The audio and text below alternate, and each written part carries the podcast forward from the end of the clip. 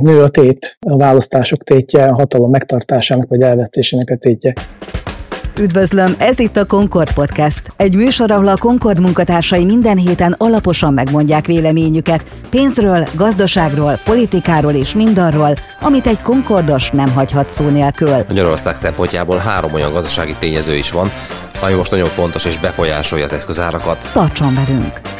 A 2022-es parlamenti választásokra történő felkészülés már javában zajlik mind kormányzati, csak úgy, mint ellenzéki oldalról.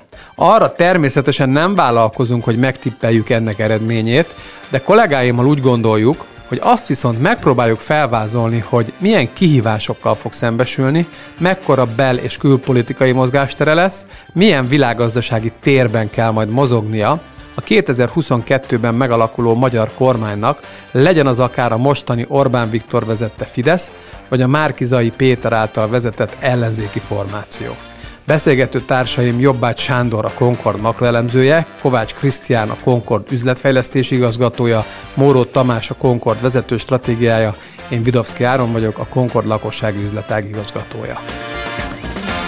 Kicsit távolabbról indítva a témát, szerintetek jövő tavasszal hogy fog kinézni a világgazdaság? Mik lesznek a világban és Európában a legégetőbb kérdések gazdasági szempontból? A világgazdasági helyzetet és a szűkemelmet európai helyzetet is tekintve azt gondolom, hogy egy kettősség lesz, ami meghatározó lesz a jövő évnek a nagy részében, ami egyébként már részben kezd kibontakozni ebben az évben is. Jelesül, hogy Egyrészt van egy egyre erősödő infláció elleni harc, ami egyre inkább magasabb kamatokat és szigorúbb jegybanki reakciókat követel meg.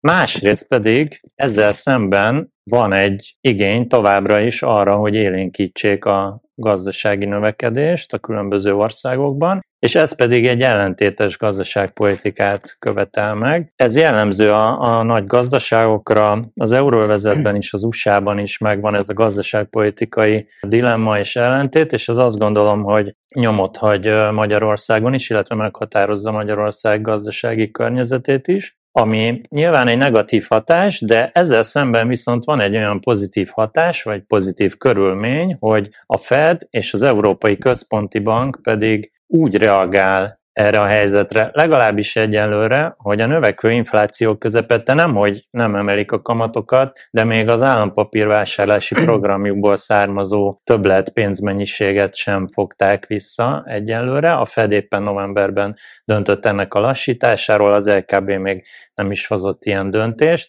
Ez pedig Magyarország számára továbbra is egy nagyobb, a szokásosnál nagyobb mozgásteret jelent. Magyarország szempontjából három olyan gazdasági tényező is van, ami most nagyon fontos és befolyásolja az eszközárakat. Egyrészt van egy nemzetközi környezet, ahol a, a cserélányok romlottak, egész egyszerűen az exportunkat euróban számolva gyengült jelen pillanatban. Ezzel szemben van egy ipari termelés visszaesés, meg globális chip hiány, beszállítólánc problémák, stb.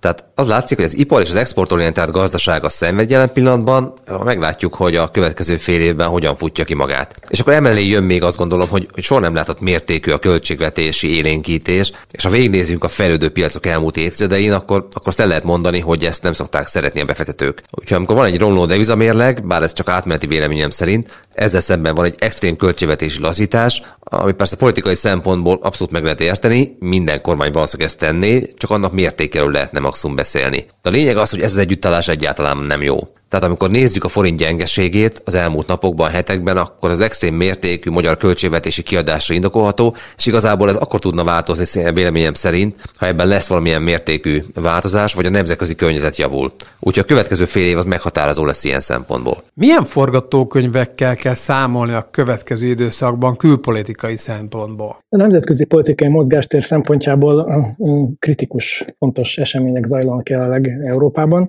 Úgy tűnik, hogy sok évnyi, talán évtizednyi halogatás után főbb európai döntési központokban, nyugat-európai magországokban egy koncepcionális változás készül a Kelet-Európa probléma, a keleti periféria kezelését tekintve. A keleti periféria probléma lényege ugye az, hogy van néhány tagállam az európai keleti oldalán, amelyek a, a demokratikus sztenderdek és a jogállamisági kritériumok alapján egy távolodó pályán vannak a mag Európa alapértékeitől, és eddig ezt a, a szemethunyás politikájával kezelte az Európai Unió, elsősorban a meghatározó szerepet játszó Németországot vezető Angela Merkel politikájának megfelelni. Merkel korszaknak vége van, zajlanak a koalíciós tárgyalások Németországban a szeptemberi Bundestag választások után, és az már a koalíciós tárgyalások kimenetelétől lényegében függetlenül látszik, hogy ez a korszak nem folytatódik. Tehát két másik irány egyikében fognak lépéseket tenni a főbb európai döntési központok. A két másik lehetséges irány az a szankciós politika, tehát ennek keretében megpróbálnák megfegyelmezni a távolodó, elhajló országokat. Az európai döntési központok, elsősorban persze Lengyelországról és Magyarországról van szó, ne beszéljünk rébuszokban, a másik lehetséges forgatókönyv pedig a kétsebességes Európa koncepciója, amely Emmanuel Macron francia köztársasági elnöknek a gondolata, amit időről időre felvet és képvisel. Ennek az a lényege, hogy érdemes két osztályba sorolni az Európai Unió tagállamait, lennének az igazi tagok, ők építik a mélyebb integrációt, és marad a resztli, akik sajnos megjavíthatatlanok, és nem kell tőlük olyasmit elvárni, amire vélhetőleg valamilyen okból történetileg nem képesek. Számunkra hosszú távon nyilván ez a veszélyesebb forgatókönyv, de akár egyik, akár másik irányba megy az Európai Unió, az a jogállamisági mechanizmus érvényesítésével, beindításával közvetlen költségvetési értelemben fájdalmas lépésekhez vezet. Tehát az Európai és Európai Uniós transfereknek kitett periféria országok súlyos gazdasági büntető intézkedésekre számíthatnak, amennyiben ezek a forgatókönyvek valósulnak meg. Mi történik akkor, ha a mi parlamenti választásunkkal szinte egy időben zajló francia köztársasági elnök választáson szélső jobboldali győzelem lesz? Ez tompíthatja valamelyest az általat felvázolt külpolitikai mozgásteret? döntő jelentősége a francia köztársaság elnök választásnak. Az Európai Uniót hagyományosan a német-francia tandem vezeti. Egy ilyen kritikus kérdésben, mint a kétsebességes Európa koncepció felé való elmozdulás, vagy a költségvetési szankciók bevezetése, az elhajló demokratikus jogállami normák tekintetében távolodó tagállamok tekintetében, ez biztos, hogy német-francia egyetértést igényel. Tehát amennyiben eh, Macronnak ki kell költözni az Elizé palotából, az egy teljesen új felállás hogyha szélső jobboldali jelölt Marine Le Pen vagy más nyeri az elnökválasztást, akkor a Nemzetek Európája koncepció értékelődik föl, kevesebb integráció és jóval kisebb, kevésbé erős prés ez a, az elhajló keleti tagállamok kormányain, ez azzal egyértelmű. Nem csoda, hogy Orbán Viktor élénken keresi a kapcsolatot a francia szélsőjobboldal minden szereplőjével, nem csak Marine Le pen Sokat beszéltünk az Európai Unióról, és ha már itt tartunk, nézzük meg, az EU-s transferek hány százalékát adják ki jelenlegi magyar költségvetésnek, és ezek szerintetek mennyire lehetnek veszélyben? Egy új EU-s költségvetési ciklusnak az elején vagyunk, de ami változatlan fog maradni az az, hogy továbbra is nagyon jelentősek Magyarország számára ezek az EU-s források. Hogyha a GDP arányában nézzük, akkor a 2020-as bruttó EU-s forrás vagy bevétel az a GDP 4,5%-át tette ki, tehát egy nagyon jelentős összegről van szó, és bár megváltozott feltételekkel folyik tovább az EU-s költségvetés most már, de továbbra is egyrészt nagyságrendileg hasonló lehet ez az úgymond most már alap kifizetésnek tekinthető EU-s forrás. Azért mondom, hogy alap, mert a COVID miatt most belépett egy másik része is az EU-s forrásoknak, vagy beléphet, még egyelőre feltételes módba kell, hogy fogalmazzunk. Ez a bizonyos helyreállítási, ugye a COVID miatt létrehozott úgynevezett Recovery eh, Fund, aminek a kifizetései már megkezdődtek ebben az évben. Magyarország még nem kapta meg a ráeső összeget. Ez egyébként az első kifizetés az nagyjából a GDP fél százaléka lenne, de ez csak az egy évre eső összeg, tehát ez is egy, egy nagyon jelentős tétel. Hát itt, itt jönnek be a jövő évi kockázatok, illetve a jövő évi esetleges változásokkal kapcsolatos megfontolások az EU-s pénzeknél is, hiszen ez a, ez a késlekedés most az EU-s pénzek kifizetésével, ez ugye összefüggésben van a jogállamisági vitákkal, ami ugye Magyarország, illetve Lengyelország és az EU között zajlik most, tehát nem csak mi vagyunk ebben érintettek, és Ugye ez a folyamat, ez a jogállamisági vita, hogy ha egy olyan fázisba jut el, akkor akár az alapkifizetéseket is kockáztathatja. A jövő évnek ez lehet egy nagy kérdése, hogy, hogy idáig eljut ez a folyamat, ami már biztos, hogy jó néhány európai ország megkapta ezt a bizonyos Recovery Fundos kifizetést. Magyarországnál egy jelentős csúszás van, ez akár jövő nyárig is eltarthat, tehát ez már biztos, hogy, hogy része ennek a helyzetnek az EU-val kapcsolatban. Minden parlamenti választás előtt lényegében az összes párt komoly ígéreteket szokott tenni választói felé. Úgy is fogalmazhatnánk, hogy a konkrét eseményhez közelítve sok esetben egyfajta ígéretháború szokott kialakulni. Nagyjából öt hónappal a választások előtt hogy állunk most ezzel az ígéretháborúval? Szerintem az ígéretháborúban még csak a kihívó jött fel a színpadra, tehát a kormány elkezdte a naptárnak megfelelő választási költségvetés összeállítását, és az igazán nagy kockázat ebben a folyamatban az, hogyha majd látjuk, hogy az ellenzék esetleg felzárkózik hozzá, és beindul a spirális szakasz ennek az ígéretháborúnak. Számokról, hogy hogy állunk ezzel kapcsolatban, szerintem a Sanyi tud többen szolgálni. Sanyi, ez hogy néz ki? Mik a fő pontjai ennek? Hát most már olyan sok van, hogy puskázni is kell hozzá, hogyha az elmúlt, az elmúlt néhány hónapnak a költségvetés terhelő új bejelentéseit nézzük, akkor olyanokat találunk, mint a csádi adó visszatérítés, ami önmagában egy 600 milliárd forintos tétel, aztán a járulékcsökkentés, ugye szintén ugye költségvetés terhelő kiengedés, ez a minimálbér kompenzálása, minimálbér emelés kompenzálása miatt szükséges, aztán különféle ágazati béremelések vannak, vagy hát ide sorolta a rendvédelmi dolgozóknak kifizetett bónusz, ami egy előrehozott tétel 2023 3-ról, SZI elengedés a 25 év alattiaknak 13. havi nyugdíj eredetileg két heti összegének a egy havi összegre való emelése, és hát lehet, hogy ide kell majd sorolnunk, ugye ez még folyamatban lévő ugye a, a repülőtérnek a megvásárlását is, ami ugye lehet, hogy idézőjelben csak 1-2 milliárd eurós, tehát nem forintról, szóval eurós tétel lesz, de hogyha az egészet végül is a költségvetés állja, amit most még nem tudunk, akkor még nagyobb, és ettől függően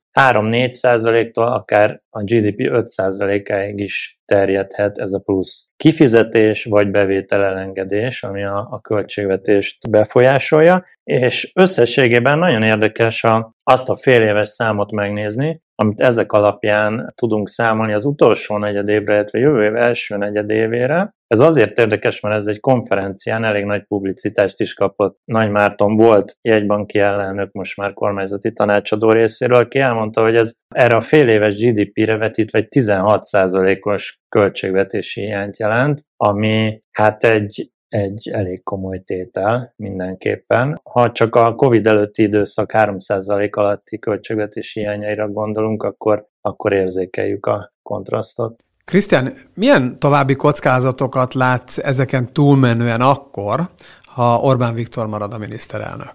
Szerintem azok a témák, amelyeket eddig említettünk, hogyha együtt jelentkeznek, és a naftárból körülbelül az következik, hogy egy időben fognak jelentkezni, ezek jelentik azt a kockázatot, amivel mindenképpen számolnunk kell. Tehát egy régen látott mértékben felfuttatott választási költségvetés, tehát egy nagy költségvetési kiadásnövelés és bevételi tétekről lemondás, hogy a Sanyi mondta, tehát a 16 százalék az, az tényleg olyan évszámokat idéz vissza, amiket talán nem is kellene mondani. Ez kombináltan azzal, hogy esetleg ugyanebben az időszakban egyre több hír érkezhet arról, hogy elapadnak európai uniós transferek, vagy már fizikailag megtörténik az uniós transferek egy részének a visszatartása, az egy súlyos gazdasági, költségvetési és árfolyam kockázat. Most pedig térjünk rá azokra a kockázatokra, amelyeket egy esetleges ellenzéki győzelemhez társítunk? Szerintem legalább három téma van, amiről ebben a tárgykörben is érdemes beszélni. Az egyik az a kormányzó képességnek a technikai felfogása. Ugye Magyarországon a, a legjó indulatú megközelítés szerint is kialakult egy predomináns pártrendszer, azt nevezi predomináns pártrendszernek a politikatudomány, amikor egy országban egymást követő ciklusokban ugyanaz a politikai oldal, párt vagy pártszövetség szerzi meg a kormányzati főhatalom gyakorlásához szükséges felhatalmazást. Magyarországon vélhetőleg azért ennél többről van szó, ezzel nem mondunk túl sokat, alig hanem nem alaptalan az, hogy úgy Nyugat-Európában, mint a fejlett világ nagyobb részében a magyarországi politikai berendezkedés imázsának vannak olyan komponensei, amelyek inkább autokratikus jellegűek, semmi demokratikusak. De ebből a szempontból ez mindegy is, egy, egy teljesen békés, predomináns pártrendszerben is kialakul az a helyzet, hogy a sokáig ellenzékbe szóló politikai oldalnak egyszerűen nincs módja gyakorolni a kormányzást. Mert pedig a kormányzás az ilyen tekintetben olyas, mint a repülőgépvezetés, tehát azt tud repülőgépet vezetni, aki szokott repülőgépet vezetni, azt tud kormányozni, aki szokott kormányozni. Akinek erre több mint egy évtizede nem volt lehetősége, nem fér hozzá a miniszteriális struktúrához, a döntés előkészítési folyamatokhoz, a szakértőkhöz, az adatokhoz, az nem tud úgy felkészülni, mint aki egy váltógazdaságban működik, vagy aki hatalomban van. A következő fontos kockázat az pedig az ellenzéki koalíciónak a politikai heterogenitása értelmszerűen. Ezzel alig ha mondok újat bárkinek, ezt a koalíciót egy cél tartja össze, hogy leváltsa Orbán Viktort és a rendszerét, kormányát, kinek hogy tetszik. Azaz, amennyiben megnyerik a választást, abban a pillanatban megszűnik a fő összetartó ereje ennek a koalíciónak. Tehát még hogyha kormányzás technikai, gazdaságpolitikai tekintetben egy békés időszakban vennék is át a hatalmat, abban a pillanatban szinte definíciószerűen egy, egy politikai válság helyzetbe kerül egy fölálló új kormány, ez elkerülhetetlen. A harmadik kérdés az lehet, hogy a legsúlyosabb, ez pedig az alkotmányosság és a legalitás problémaköre. Ugye, ahogy említettem, a Magyarországon kialakult politikai berendezkedés az túlmutat azon, amit egy magát sokszorosan túlnyert politikai oldal beágyazottsága jelenthet. Mind az intézményi világban, mind a jogi szabályzás keretében olyan hátországot hagy maga mögött egy adott esetben vereséget szenvedő Fidesz, amely szinte kormányozhatatlanná tudja tenni az országot egy ellenzéki koalíció győzelme esetén, amennyiben belül akar maradni formálisan az alkotmányosság és a legalitás keretei között. Tehát a választási lehetőség az egy ilyen helyzetben, hogy vagy politikai megoldásokkal megpróbál ebből kitörni, azaz kimegy a legalitás és az alkotmányosság keretein kívülre, ez mindenféle válságnak gyönyörűen meg tud ágyazni, vagy gúzsba kötve táncol, ami egy olyan helyzetben, amikor esetleg a költségvetés egy aknamezővé van változtatva, egyszerűen csak a választási ígéretháború, vagy egy tudatos stratégia részeként, az erős kételyeket tud támasztani egy újonnan fölálló, a jelenlegi ellenzék alkotta kormány túlélő képességét illetően. Egy a jelenlegi kormány biztosan nagyon hatékony, sok mindenben, de ebben biztosan, ez pedig az operatív döntéshozatal. Van egy fontos ipari beruházás, annak megfelelő terepet elő kell készíteni, ezek nagyon-nagyon gyorsan és hatékonyan működnek, és egyébként éles kontrasztban áll azzal, megnézzük, hogy például Németországban a Tesla gyár már nyáron felépült Berlin mellett, de a mai napig nincsen működési engedélye, és még a lakossági meghallgatások folynak, nem tudjuk meddig tart az egész. Tehát a beruházók szeretnék azt, hogy Magyarországon gyorsan, hatékonyan működik valami, hogyha az a kormánynak tetszik, és hogy az ipari beruházások jellemzően ilyenek. Tehát azért ezek a kérdések felmerülnek majd nem csak a portfólió befektetőkben, hanem, hanem a reálszférában is, hogy, hogy mennyire lesz operatív oldalon működőképes egy egyébként nagyon heterogén érdekek által vezérelt kormánykoalíció. És ilyen értelemben ez a kérdés feltevés, hogy káosz lesz-e, ez, ez nem alaptalan. Még egy dolgot nem néztünk végig a kockázatok és mozgástér mátrixában. Mi lehet az EU attitűdje egy lehetséges Márki Zaj vezette koalíciós győzelem esetén?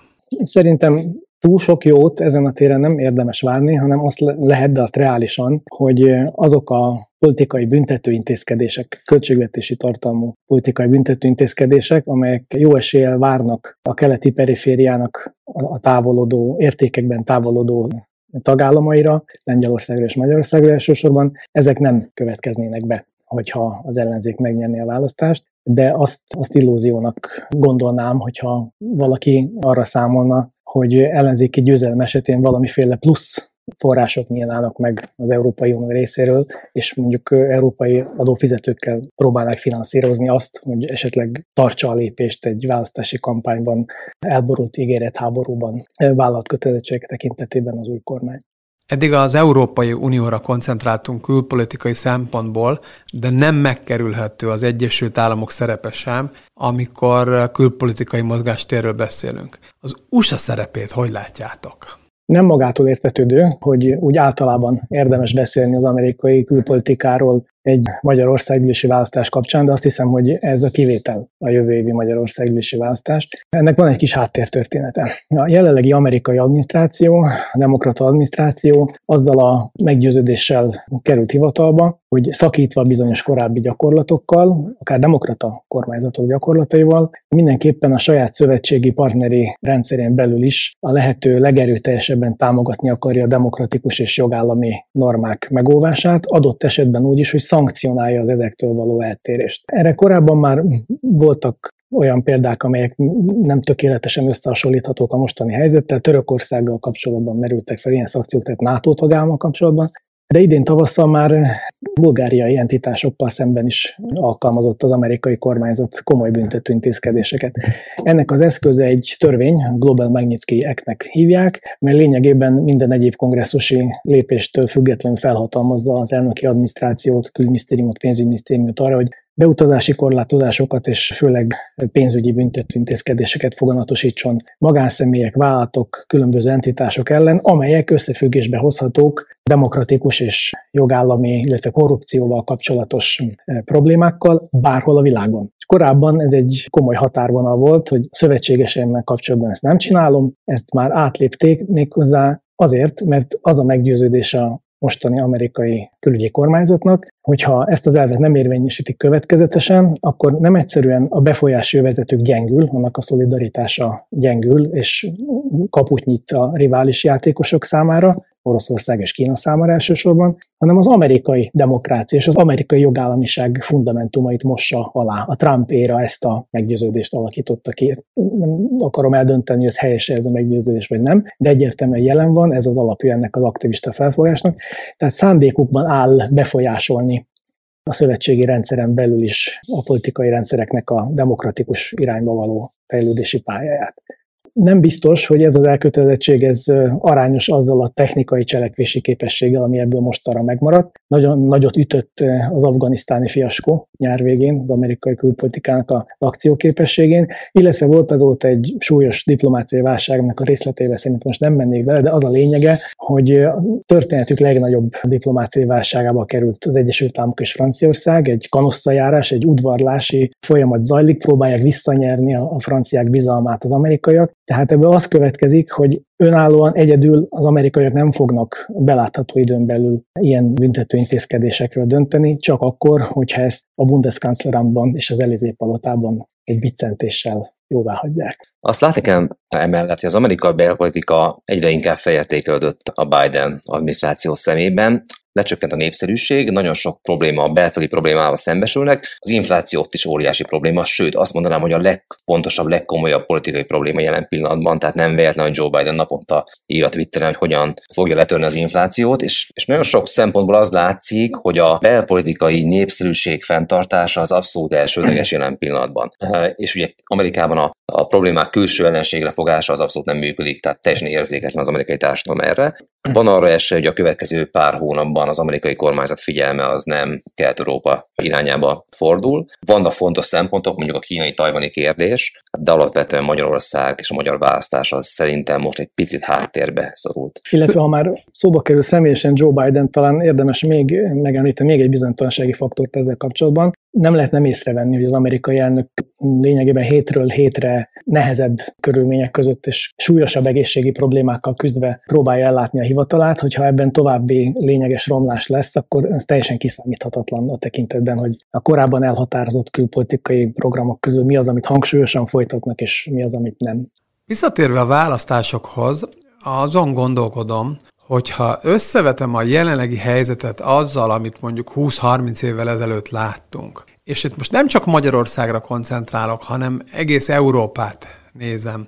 Jól érzékelem, hogy a választások tétje átalakult, mint hogyha nőne a választások tétje az elmúlt időszakban. Szerintem igen, nyilván ennek vannak társadalompolitikai, meg mindenféle stratégiai összetevői, amik azt hiszem, hogy nem, nem érkezik témáját ennek a beszélgetésnek. A kérdésed megválaszolásában maradnék a, a hivatásos politikusokra nézve megnövekvő kockázatoknál és a számukra egyre súlyosabb téteknél. Azt látjuk, hogy miközben korábban ez néhány ország kiváltsága volt idézőjelben, hogy a a politikai karrier és a büntetőjárások alanyává válás az való összefonódott, hogy Olaszországban ez egy viszonylag magától értető dolog évtizedek óta, már újabban, mintha ez ott éppen csökkenne. Ez, ez divatba jött. Az hagyján, hogy az Egyesült Államokban is ez megjelent, ez lehet, hogy egy egyszeri tétel Donald Trump esetében, hogy a hatalom elvesztése az büntetőjárások megindulásával jár, de ha csak végignézünk a régiókon vagy Nyugat-Európán, akkor rengeteg olyan példát látunk, ami arra utal, hogy valóban, ahogy a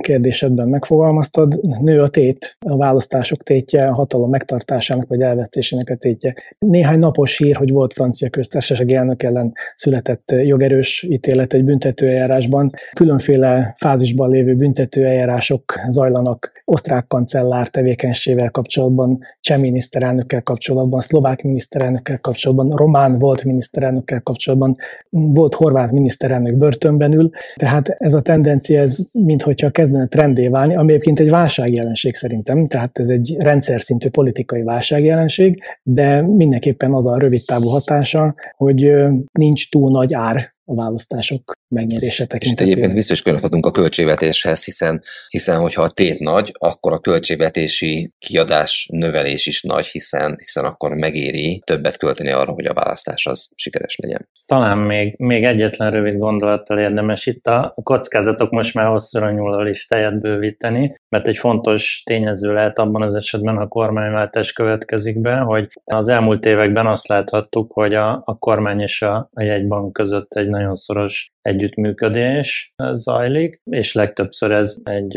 összhangot mutatott, egy, egy egybehangzó véleményen alapuló döntéseket. Ez ugye megváltozhat, hogyha a kormányzat mint szereplő személye megváltozik, hiszen a mostani jegybank elnöknek a mandátuma az csak 2025-ben fog lejárni. Ez egy újabb kockázati forrást hozhat be esetleg jövőre a hazai gazdaságpolitikában. Sokat beszéltünk kockázatokról, meg esetlegesen szűkülő mozgástérről az elmúlt 30 percben, de a beszélgetés vége fele milyen pozitív dolgokat láttok a közeljövőben hazánk szempontjából? Én inkább a nemzetközi környezettel kapcsolatban vagyok optimista. Bármennyire is sötétnek tűnik most a, az ég. Ez pedig arról szól, hogy hát egyrészt az energiárakban van egy szezonalitás, tehát azt gondolom, hogy a tél végével, a gázárak várható csökkenésével lesz egyfajta inflációs mérséklődés, másrészt ez ugye érdekes módon, de persze az ez nem meglepő, alatt esetben javíthatja a gazdasági aktivitást, hiszen nagyon sok ipari üzem például leállt Európában nehéz ipari üzem, tehát kicsit felpöröghet ez a fajta gazdasági aktivitás. Aztán a másik a,